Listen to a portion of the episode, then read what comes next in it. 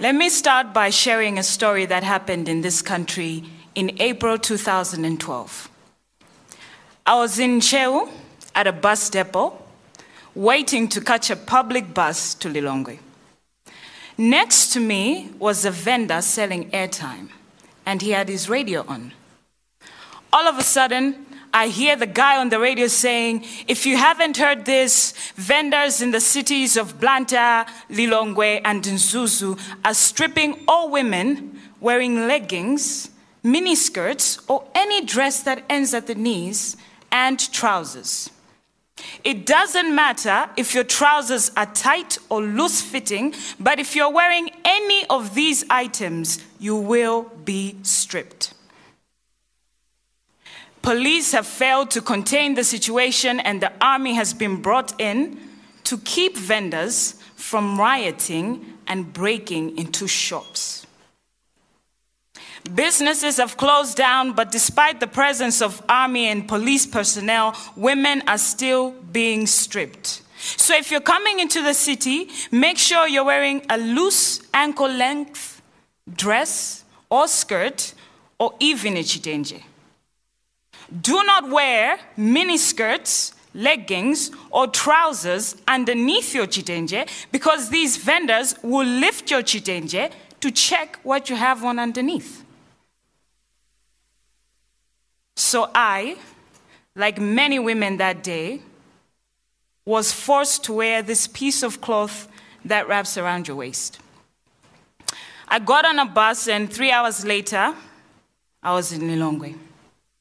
I could see the police and army standing around the city doing nothing to stop vendors that were still checking each and every bus for women and girls wearing leggings, mini skirts, or trousers so they could strip them.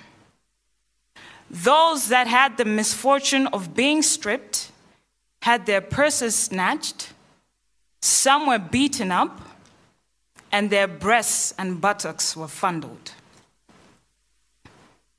In 1994, Malawi gave its citizens the freedom of expression, which encompasses the freedom of dressing. The response to this horrific act that started without warning was the next day a 2,000 women protest attended by then Vice President Joyce Banda.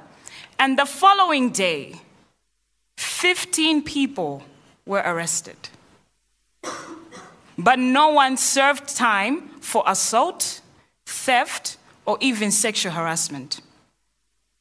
The media, government, churches, human rights activists, they all condemned the act, but on the ground, vendors and some citizens justified it, claiming women needed to be taught a lesson because they were disrespecting themselves by how they dressed. I tried to get many media houses interested in producing a documentary about this day. But no one was interested because women are regarded as second class citizens, and our society has no real interest in dealing with the issues that affect them. In Area 18, a mentally ill female was raped by three men. By morning, the story had spread like wildfire in the marketplace where these three men drink and operate their businesses from.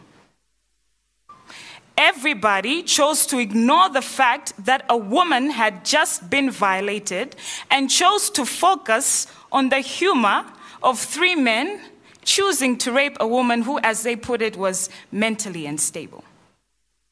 This woman came to the marketplace to confront her rapists. They threw rocks at her,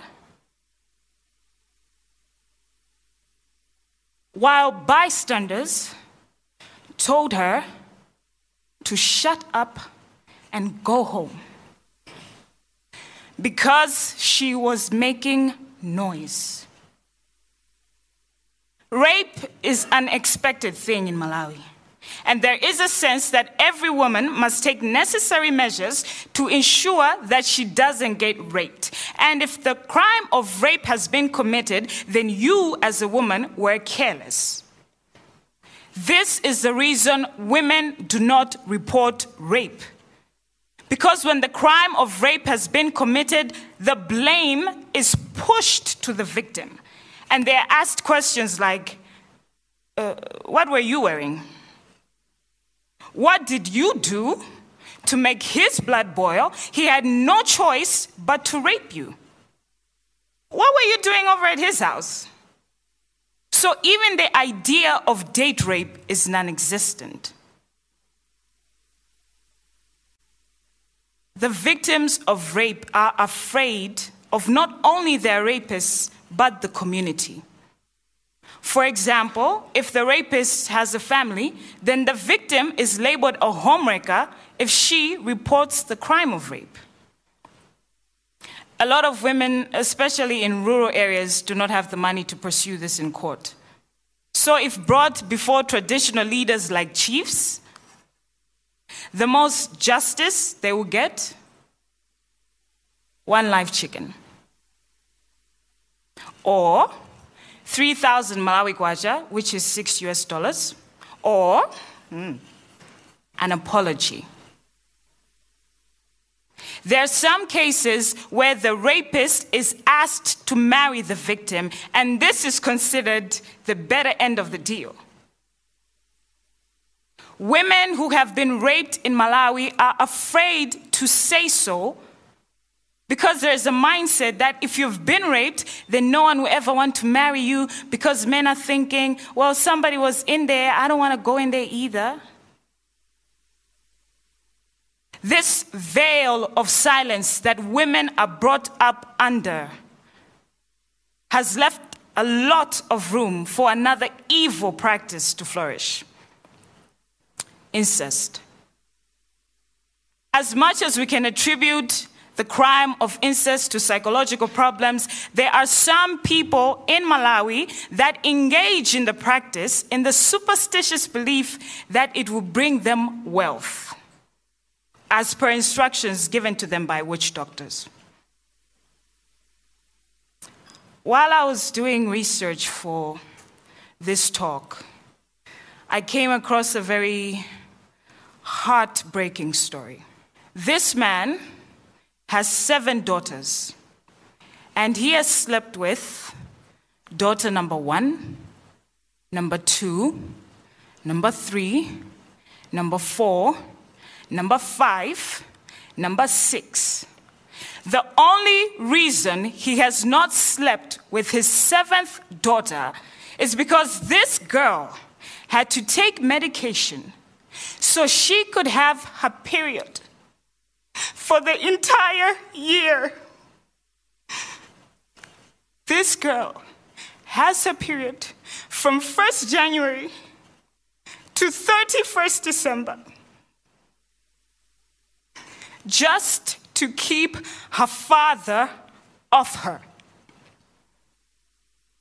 The women in these homes do not do anything because, in most cases, the entire family depends financially on the father. So, if the victim brings the issue to members of her extended family or even the community, a private meeting is held where the father or the man is asked not to do this again. Anything beyond that is considered a dishonor to the man. Because in my country, property is listed as follows wife, children, house, car, the list goes on. This idea that women and children can be owned is the reason we all turn away. But let me tell you this families make communities. Communities build society, and society builds a nation. And no nation can develop without the participation of each and every one of its healthy citizens. Our families need to change. We all know what we're like as parents, as brothers and sisters. When someone in our home has been raped, we are filled with embarrassment and shame, so we are the first to push it under the rug. We need to change our families. We need to turn our attention to the victim. They need to know that we will be their safety net. They need to know that we will help them fight for their justice. We can no longer say whatever happens next door is none of my business and is okay until it happens to me. You and me are the change. This is the Malawi that I grew up in. But I want you to take this home and really think about it. Take, take a month, take a year, take two years, but really think about it and answer the question What Malawi do you want your daughter to grow up in? Thank you.